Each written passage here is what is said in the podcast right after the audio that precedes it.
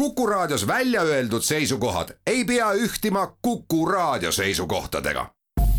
Te kuulate Kuku Raadiot. järjejutt. Moritz von Kotzebue, Vene sõjavang prantslaste seas, tõlkinud Agur Penno Loomingu Raamatukogult.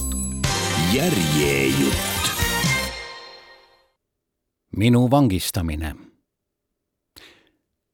asusin härra Graf von Wittgensteini korpusega Polotski all.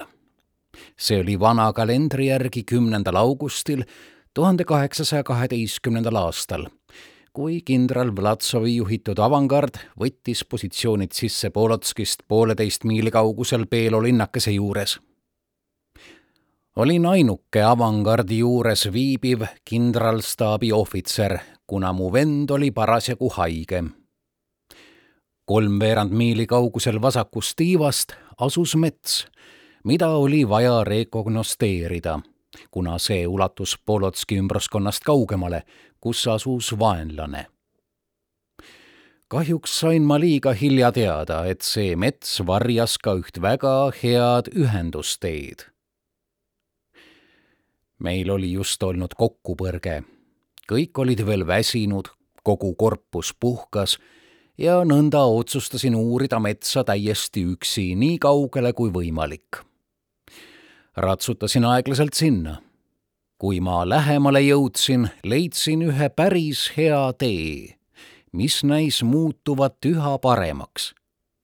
aga ma ei märganud üldse värskeid hobuste või vankrirataste jälgi. sellest julgustatuna sööndasin aeglaselt edasi liikuda ning avastasin peagi küla see asus omamoodi orus, nii et temast oli väga hea ülevaade. kuna ma kedagi ei märganud, ei tahtnud ka asju pooleli jättes tagasi pöörduda.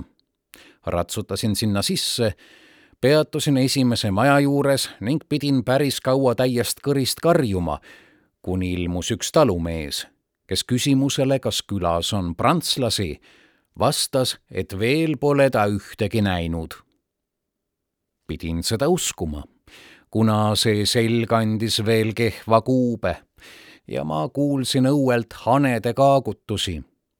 Need olid asjad, mida poleks saanud seal olla, kui prantslased oleksid seal elutsenud. inimestele, kes on pikkadel marssidel kohanud vaid tühju, purustatud külasid ning mitte ühtegi inimjälge, pakub isegi koerte haukumine kirjeldamatut heameelt kuulasin talumehe üle ja sain muuhulgas teada ka seda, et siit läheb väga hea tee Polotskisse, mis poole miili pärast ühineb suure teega, mida mööda olime kolme päeva eest taganenud. otsustasin jalamaid sinna ratsutada ja ümbruse üles tähendada, siis tagasi pöörata, ette kanda ning soovitada kindralil küla hõivata mõtlesin, et see kaitseks meie vasakut tiiba rünnaku eest, mis, nagu hiljem kuulsin, oligi olnud meie vaenlase kavatsus. ning teiseks asus küla, nii palju kui ma mäletasin, juba vaenlase eelpostide selja taga ning arvasin, et neist saaks seega märkamatult mööda minna. Need olid kaunid kavatsused, mis mind joonistades haarasid ning ma uskusin, et kui need teoks teha, saan kindlasti ka väärika tasu. aga vaevalt olin oma joonistusega valmis, kui sealtsamast külast kihutas äkitselt minu suunas umbes kakskümmend vaenlase ratsanikku. olen nii mitmeski tulises lahingus kaasa teinud, aga miski pole mu juukseid nii püsti ajanud kui too silmapilk samas märkasin ma siiski, et need on ulaanid ning järeldasin nende korrapäratust ratsutamisest, et nende seas pole ühtegi ohvitseri. oleks olnud rumalus kahekümne ulaani vastu võidelda. säärasele kambale alla anda ma aga samuti ei tahtnud. niisiis andsin oma kronule kannuseid ja põgenesin. muidugi olid jälitajad mu tagasitee tõkestanud. ma pidin ettepoole, otse vaenlase poolele kihutama. aga ma lootsin kas väikese ime läbi pääseda või vähemalt mõne tugeva piketi otsa sattuda, kelle ohvitser mind jõhkrast kohtlemisest päästaks. vaevalt olin ma ümber pööranud, kui kõlas mitu lasku, millest üks riivas mu hobuse kõhtu too oli nagunii kiirem kui vaenlase hobused haavata saamise tõttu läks ta täiesti tuliseks ning alustas sellist galoppi, et mu jälitajad jäid peagi kaugele maha. muidugi pidin ma kartma, et nad on veelgi vihasemad, kui nad mulle siiski järele jõuavad ning püüavad mind seepärast veelgi kiiremini kätte saada. kui mets poleks nii tihe olnud, oleksin ehk pääsenud aga kes on näinud vene tiheda kasvuga metsi, mis on lisaks täis maha langenud puid, see teab, et need on nagu müür. võib-olla oleksin pidanud ma hobusel minna laskma ja end ära peitma, riskima surnuks nälgimisega või sellega, et esimene leidja mind maha laseb aga silmapilgud, millest sõltub inimese saatus, on harva need, kus ta on täielikult oma mõistuse peremees. tormasin poolveerand tundi edasi ega märganud enda ees ikka veel ühtegi vaenlast. lõpuks muutus mets hõredamaks. tee tegi käänaku ja äkitselt põrkasin ma nii-öelda ninaga vastu baierlaste piketti. ma tõesti ei tea, kes meist oli sel silmapilgul rohkem ehmunud, kuna vaatamata mu tikitud mundrile ja habemeta lõuale haarasid kõik relvade järele ja hüüdsid kasakad, kasakad. Nad ei saanud ju teada, kas mulle järgneb terve parv kasakaid või mitte mu hobusel haarati suistest, täägid suunati minu poole ja mina kogelesin raske sõna pardon. kapten, kes vahiposti käsutas, lähenes mulle väga sõbralikult sõnadega. seltsimees, teie õnnetus kurvastab mind. kui see teid trööstib siis olete ausate sõjameeste kätte langenud. niisiis löögem selle kinnituseks käed, teil ei kõverdata juuksekarvagi. see ootamatu väljendus, mida saatis käepigistus, võttis minult küll hirmu, aga kogu mu ebaõnn paistis seda selgemalt. veel polnud keegi meenutanud mulle mu mõõka võtsin selle ise maha. see oli üks mu elu kibedamaid minuteid. ja suutsin seda üle andes peaaegu nuuksudes vaevu öelda vaid sõnad. härra kapten, olen seda kandnud seitse aastat ja see on esimene kord. selle koha peal mu hääl katkes sellisele õnnetusele vannuks igaüks alla vastas mulle see tubli mees. ning mõõka sel kombel kaotada ei ole häbiasi. kui see oleks minu võimuses, jätaksin selle teile alles. tahtsin seda ausameelset meest tänada, aga ma ei suutnud tema õilis käitumine puudutas mind sügavalt ja ma olen õnnelik, et saan teda nüüd avalikult tänada loodan, et ta mäletab mind veel. jätsin oma hea pikksilma talle mälestuseks. mulle järele sõitnud ratsanikest polnud enam midagi kuulda.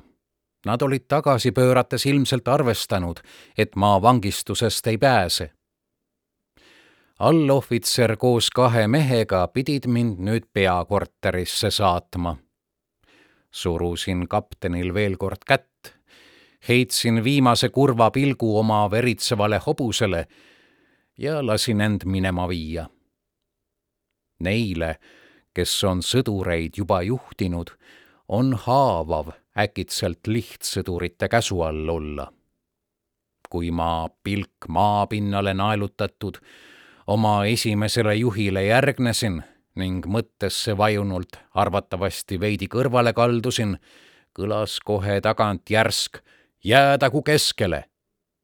see käis mul hingest läbi tubli veerand tunni pärast jõudsime teise vahipostini, mille juures oli kaks ohvitseri. vanem neist käskis mul kohe kõik paberid ära anda. Õnneks ei olnud mul kaasas midagi olulist peale väikese Polotski ümbruse üldkaardi, mille ma ära andsin härrad ei tahtnud mu sõnu uskuda ning kinnitasid, et peakorteris otsitakse mind rangelt läbi ja seetõttu pole valetamisest abi. muutusin tundlikuks. kui te minu sõnu ei usu, ütlesin ma, siis otsige mu munder läbi. Tegin kohe liigutuse, et seda seljast võtta. nii kaugele ei lasknud nad olukorral siiski minna ning kinnitasid väga viisakalt, et nad täidavad vaid oma kohust. teised sõdurid olid juba valmis mind edasi viima. oli õnn, et paks mets meile varju heitis, kuna kuumus oli nii kõrvetav, et mina, kes ma polnud jalakäimisega harjunud, uskusin, et kukun kurnatusest kokku allohvitser märkas mu nõrkust ja küsis, kas ma sooviksin puhata kuna tal olevat kästud mind säästvalt kohelda. see pakkumine oli väga teretulnud. mu keel igatses vett, aga seda me ei leidnud. allohvitseril oli vaid veidi viina, mida ta kohe minuga ausalt jagas. kuna mul oli veel veidi raha, tahtsin talle lonksu eest maksta aga seda pani see tubli mees pahaks ja arvas, et selliseid asju tehakse seltsimehe heaks tasu ootamata. ja ka teda võib iga päev sama saatus tabada ja siis tasub talle Jumal. kirjutasin liigutatult talle venekeelse sedeli, kus kirjeldasin mõne sõnaga tema sõbrateeneid ning kiitsin teda kõigile neile, kelle kätte ta võiks langeda kes ise hädas olles vaese vangiga paari tilka viina jagab, teeb kindlasti rohkem kui rikas, kes ajalisi vaeste kassasse paneb. kui olime kosunud, liikusime edasi ning jõudsime poole tunni pärast Polotskist veerand tunni tee kaugusel asuvasse väikesesse laagrisse. olin selle alles kolme päeva eest meie üksusega hõivanud ühel väikesel künkal seisis katusega kaitstud pühapilt. seal oli mu kindral laagris olnud ja just sealsamas oli nüüd laagris kolonel, auväärne hallpea, kes istus laua taga ning kirjutas usinasti. kui talle minust ette kanti, tõusis ta püsti, küsis mu auastet ja nime, üllatus veidi, kui kuulis nime Kotsepuu pöördus aga väga sõbralikult minu poole ja lubas mulle head kohtlemist. ma kiitsin senist. ta raputas mul siiralt kätt ja andis mu üle adjutandile, kes pidi mind kindrali juurde viima. mind liigutas sügavalt see saksa sõdalastele omane õrn säästmine. mu märjad silmad ütlesid Raugale seda, mida mu keel ei suutnud esile tuua. meie tee viis üle lahinguvälja, kus mõni päev tagasi nii mõnigi mu vapper kaasmaalane oli surma saanud ja mu vapra venna alt oli kloostri ründamisel hobune surnuks lastud ning pärast lahingut leiti tema mantlist kolm kuuli. purustatud püssid, piigid ja ranitsad lebasid veel maas, nende vahel ka haavatud, kes abi järele ägisesid ning keda nende suure hulga tõttu polnud minema toimetatud. Matmise peale polnud üldse võimalik mõelda. kõigepealt märkasin üht õnnetut venelast, kellest ma väga lähedalt mööda pidin minema. suurtüki kuul oli ta jala sel kombel purustanud, et pääsemine polnud võimalik. ta näis rahulikult surma ootavat. ta oli pooleldi istudes, pea kivile toetanud näo lähedal asuva kiriku poole pööranud ja näis olevat palvetesse süüvinud. vaid vene munder suutis ta sellest äratada. ta kinnitas teatud heameelega silmad minule ja ütles murtud häälel, Jumal tänatud, et näen enne lõppu veel üht venelast. Te olete küll vangistatud, aga siiski õnnelikum kui mina mitte sellepärast, et teil on üks jalg rohkem. Te näete veel enda omasid. oh jumal, mul on naine ja lapsed. tahaksin neid veel kordki näha. meelsasti annaksin selle eest oma teisegi jala. kaua ei suutnud ma seda vaatepilti kannatada. ulatasin talle käe meenutasin vene vanasõna isamaa eest surra on püha asi ja lahkusin. pöördusin hiljem selle õnnetu pärast peakirurgi poole. sain aga kinnituse, et pääsemine pole võimalik ning kui teda minema toimetamiseks vähegi liigutada, järgneks otsemaid surm. ka mind saatev adjutant oli väga liigutatud ning me läksime tummalt kõrvuti kuni kindralimajani, mis asus linnast umbes tuhande sammu kaugusel. see oli seesama maja, kuhu krahv Wittgenstein oli mõne päeva eest oma peakorteri üles löönud. seda polnud võimalik enam äragi tunda, kuna viimane lahing algas rünnakuga, kus arvuka suurtükiväe äkilised kogupaugud olid suunatud just peakorterile mis läbi seinad, katus ja aknad lasti ühe silmapilguga sõelapõhjaks. Õnneks oli krahv vaevalt veerand tundi varem minema ratsutanud, et parem tiib üle vaadata. selles auklikus majas võttis mind vastu Baieri kindral, esitas mulle mõne küsimuse ja saatis mind siis linna kindral Vrede juurde olin Polotskit varem tundnud kui päris linna, kuid nüüd oli see väga muutunud. kõik majad olid nagu laskepesad. pea iga tänav oli barrikadeeritud ja kaunis jalutuskoht muudetud reduuliks. rahumeelsete, oma tööga tegelevate elanike asemel võis näha vaid puhkavaid ohvitsere ning näljaseid sõdureid hospidalid kubisesid haavatutest ja surnutest. õhk oli nii rikutud, et tuli nina kinni hoida. tee viis üle turuplatsi, mis oli muidu alati täis juute, nüüd aga prantslasi. minu ilmumine äratas uudishimu. paljud, kes lõhnasid juba kolme sammu kauguselt viina järele, hüplesid kohale, tahtsid mind sisse piirata ning mulle oma tuntud jutukest tõestada. kui adjutant sõnadega siin elab kindral Vrede, igasugusele vestlusele lõpu tegi.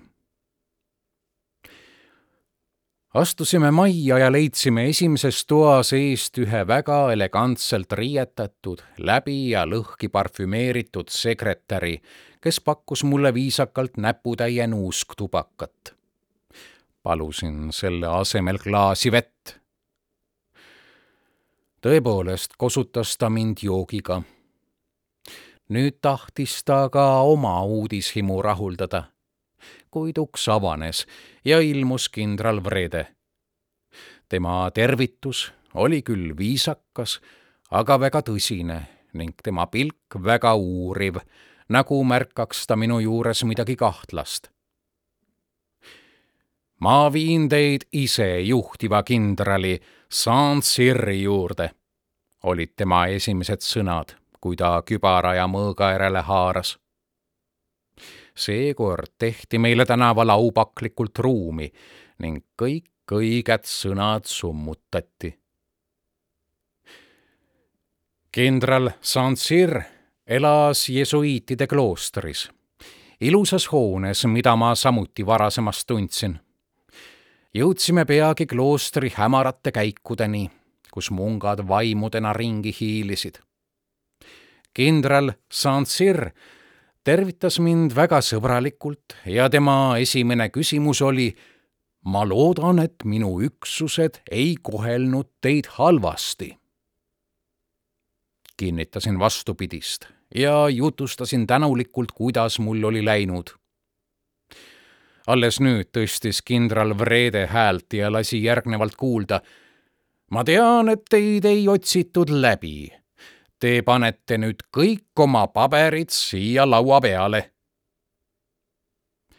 peale väikese kaardi, vastasin ma, mille ma juba teisel postil ohvitserile andsin, polnud mul midagi kaasas. kohe saadeti adjutant välja, et kaart ära tuua. Mõelge sellele, jätkas kindral Vrede, et teid otsitakse läbi.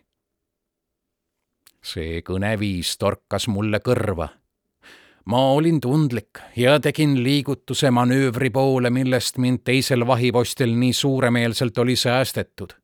nimelt munder seljast võtta.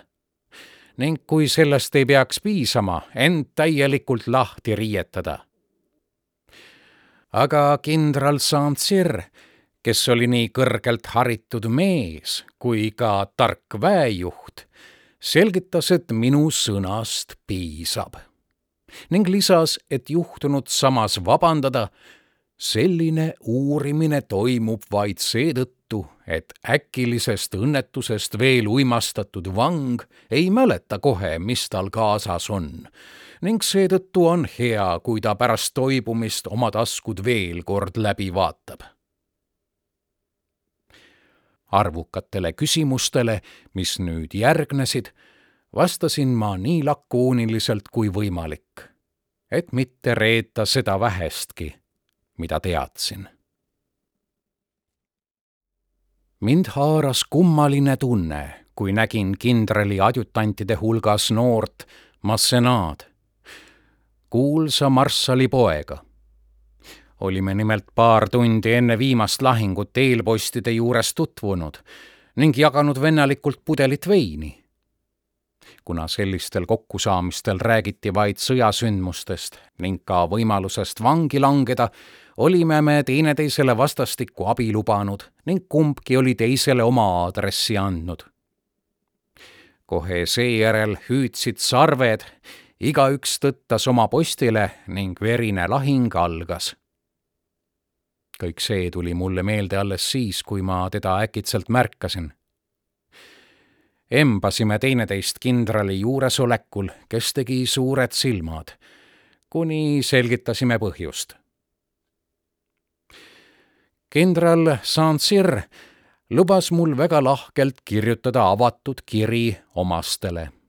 küsis mu isa asukoha järele ning naeris, kui ma ütlesin, minu isa seisab veel vaid ühe jalaga Venemaal teise on ta juba õhku tõstnud, et see vajadusel Inglismaal maha panna. Teie härra isa teeb õigesti, kui ettevaatusabinõud tarvitusele võtab, oli tema vastus. aga meie keiser on hea. seejärel pöördus ta Massenaa poole ja ütles Te hoolitsete selle eest, et meie vang saaks hea öömaja ning eelkõige, et ta nälga ei sureks. viimane meenutus oli väga tark, kuna kõik härrad nägid minu meelest välja nii, nagu oleksid nad juba nädalaid nälginud. oletuse paikapidamist kinnitati mulle peagi kui me läksime läbi jesuiitide kloostri, kus mungad pidid mulle ühe kongi vabastama, jutustas Massenaa, et viimases lahingus vangi langenud Vene ohvitserid olid päev varem Vilnasse toimetatud. see oli mulle ülimalt ebameeldiv uudis, kuna nende hulgas oli ka major Switchin, minu hea sõber. maha oli jäänud vaid üks raskelt haavatud kapten, keda me kohe ka külastasime. samuti vana tuttav, kelle rõõm mind nähes oli kirjeldamatu. oleksin väga meeleldi elanud temaga samas kongis aga seda takistas talumatu hais, mis tuli ta haavast. Tõotasin teda külastada nii tihti, kui vaid lubatakse. üks sisseastunud munk näitas, et minu kong on juba tühi. see asus kolmandal korrusel. Polnud paha ja seda valvas üks näljane sõdur siin andis Massenaa mind munga hoole alla ning eemaldus vaevu oli ta lahkunud, kui jesuiit sõnadega neetud prantslased auru välja lasi. ning nüüd voolas nagu jõgi tema jutt, kuidas prantslased olid rüüstanud linna ja eriti kloostrikeldreid ning ka kirikule polnud halastanud. ju polnud tubli mees maailmas toimuvast palju hoolinud, et see kõik talle nii uus näis kell oli juba kaheksa õhtul ja ma polnud päeva jooksul veel midagi söönud. seetõttu katkestasin esimese hingetõmbepausi ajal tema sõnavoolu, pärides kloostri toiduvarude kohta. kui see tubli mees, kes minu parema äranägemise järgi oleks võinud köögis olla, ikka veel keldrist välja tulla ei tahtnud, tuli mulle meelde kena vene vanasõna see, kellel kõht täis, mõistab näljast harva lõpuks ei jäänud mul muud üle, kui temast üle karjuda ning nii pressisin ma temast lõpuks välja teate, et poole tunni pärast kogunetakse õhtueinele ning ma võin oma vahimehe saatel samuti sinna minna. seda pool tundi lühendas ta mul jätkuva prantslaste sõimamisega ning ta oli neid parasjagu puhastustulle ajamas, kui kõlas toidukella magus heli mispeale me vahisaatel käsikäes läbi rüvetatud saalide kella kõlavale kutsele järgnesime. astusime suurde pühapiltidega kaunistatud saali, kus kaetud lauad mulle ümberringi naeratasid. mind võtsid väga sõbralikult vastu jesuiidid, kelle hulgas oli ka palju sakslasi pärast söömaaega moodustus mu ümber ring inimestest, kes mitmes keeles oma häda kurtsid ning oma muret sõbra rinna najal välja nutsid. lohutasin neid lootusega, et venelased marsivad peagi Polotskisse. lootusrikaste nägudega soovisid nad mulle meeldivat õhturahu. selleks on aga vaja rohkem kui paljast soovi magada. Alles üksinda oma kongis olles tundsin ma õnnetust täies suuruses. ainult sõjas saab kindralstaabi ohvitser karjääris edasi liikuda. see väljavaade on minult nüüd röövitud. mu isamaa oli vaenlastest üle ujutatud, mina hädas omastest lahutatud. Ilma lootuseta peatsele tagasipöördumisele. Pole ime, et ma unetult oma asemel vähkresin. hommikul tõi Massenaa minu juurde mitu kindralstaabi ohvitseri, kes mind seltsimeestena trööstisid, aga tegelikult tahtsid hoopis küsitleda jutt läks muidugi viimasele lahingule. Ma ei saanud seal tehtud vigu küll kaitsta, kuna olime lüüa saanud. aga siiski ei jätnud ma meenutamata neid kaheksateist suurtükki, mis me olime vallutanud ning meie ratsaväe vaprust, kes oli sööndanud kuni linnani kihutada ka heitsin ma vaikselt nalja selle üle, et Prantsuse ratsaväge karjatati väga kaua tüüna teisel kaldal ning ta jäi seetõttu jälitamisel aeglaseks, suuresti tänu millele me pääsesimegi. Nad olid sellega nõus ning karjusid igast küljest, et kindral oli selle eest ka arreteeritud. oleksin hea meelega oma külalistest lahti saanud, kuna tahtsin kirjutada kirju ning mitte liialt süveneda sõjalistesse aruteludesse aga nad olid omavahel tülli läinud, mis päevale määrata aeg, kui nad Peterburi sisse marsivad. praalimine muutus talumatuks ja ma segasin end lõpuks taas vestlusse kavatsusega veel suuremat tüli tekitada, kuna see on ainus vahend prantslast vaikima panna. Te olete unustanud, mu härrad, ütlesin ma et Rootsi kroonprints võitleb koos meiega ja tuleb arvatavasti just praegu Königsbergis koos kolmekümne tuhande mehega maale. kui teil oleksid laod, oleksid need kõik kadunud. Teie uue sõjapidamisviisi juures aga, kus kogu vägede ülalpidamise koorem on pandud elanikkonnale, peab kroonprints piirduma rõõmuga teil taganemistee ära lõigata Nad naersid Königsbergis maabumise üle ja mina naersin nende Peterburi marssimise üle. selles olid nad ikka veel nii veendunud, et mõtlesid juba külaskäikudele, mida nad üksteisele Moskvas teevad ning küsisid seetõttu minu käest, kas Peterburi ja Moskva vahel sõidab kiirpostitõld. ma vastasin, seni veel mitte aga niipea, kui venelased Pariisi jõuavad, pole neil raske seal vallutatud postitõldu sinna liinile saata. see haavas neid mõneti ning nad eemaldusid järk-järgult. nüüd kirjutasin isale, et olen terve ja vajan raha, kuna see on suuresti kõik, mida sellistes oludes kirjutada tohib vend Wilhelmile kirjutasin ma ka ning andsin mõlemad kirjad edastamiseks kindralstaabi ülemale. ootasin viis päeva asjata vastust ning pidin lõpuks lahkuma, saamata teada, kas mind peetakse vangi langenuks või surnuks.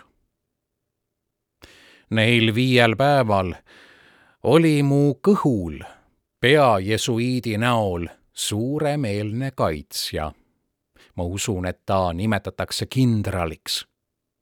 selle mehe sõpruse olin võitnud kloostri külastamisel aasta tagasi, kinkides talle ühe Bengali mündi, mille olin veel oma ümbermaailmareisilt kaasa toonud. sellest sai mündi kabineti osa ning ta tõi mulle nüüd rikkalikult intresse sõin kaks korda päevas munkade lauas mille eest polnud tollaseid asjaolusid arvestades võimalik kullaga tasuda.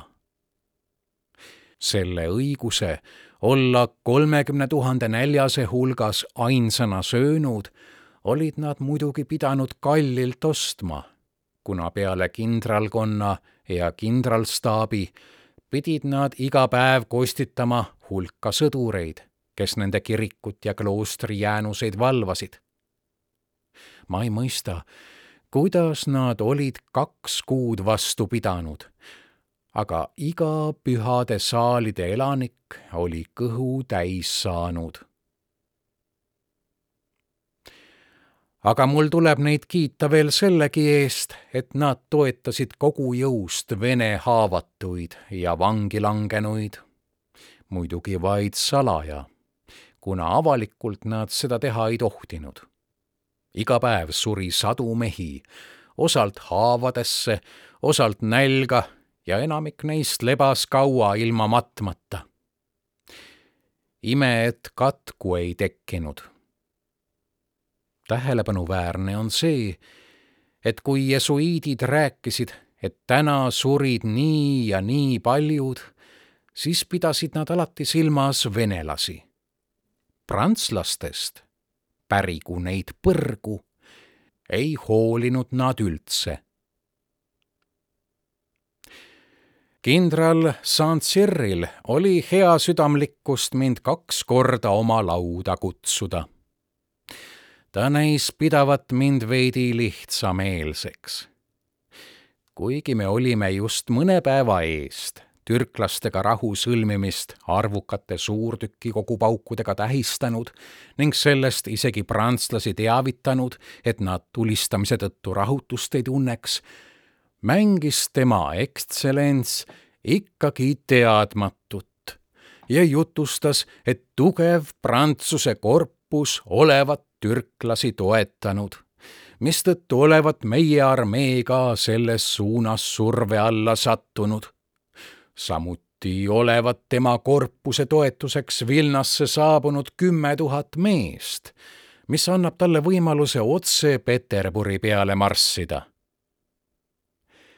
seda viimast ütles ta naeratades ning ma ei tea, kas ma oleksin suutnud oma keelt taltsutada, kui poleks saabunud maitsev praad ja kõik vaenulikud mõtted alla neelanud söömaaja lõpus astus sisse viis vangistatud Vene dragunit, keda eskortisid kümme talumeest. Nad olid ühes külas eelpostil seisnud ning kohalikke kahtlemata usaldanud. äkitselt oli neid rünnatud kaigastega, võetud relvad käest ning veetud nad minema. see ajas mul vere keema ja nüüd oli mulle selge et ma olen oma õnnetuse eest tänu võlgu vaid sellele talumehele, kes hoiatamise asemel mind ulaanidele maha müüs. kindral Saint-Cyr teeskles, et on talumeeste käitumisest väga nördinud ning lasi neile öelda, et nad ei peaks edaspidi sõjameeste tegevusse sekkuma aga see oli edev silmakirjatsemine.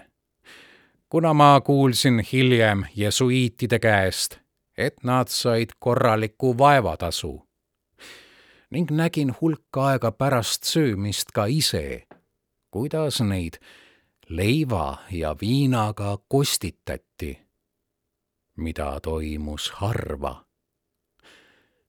ja mitte kunagi ilmaasjata